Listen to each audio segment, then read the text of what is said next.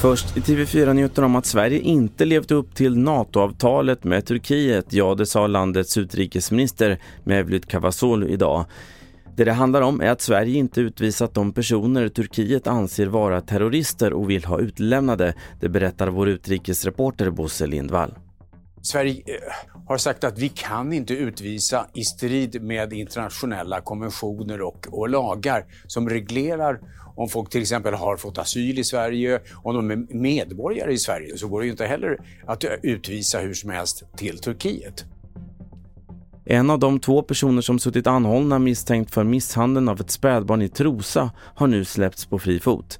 Misstankarna är inte avskrivna men har försvagats, det skriver Åklagarmyndigheten. Den andra personen är fortsatt anhållen och senast vid lunchtid imorgon krävs beslut om häktning eller frisläppande. Och sist om att R. Kellys tidigare manager Donald Russell erkänner att han förföljt ett av R. Kellys offer, det skriver ABC. I förra veckan dömdes Donald Russell för vapenhot mot en premiärvisning av dokumentären Surviving R. Kelly. Fler nyheter på tv4.se. Jag heter Carl-Oskar Alsén.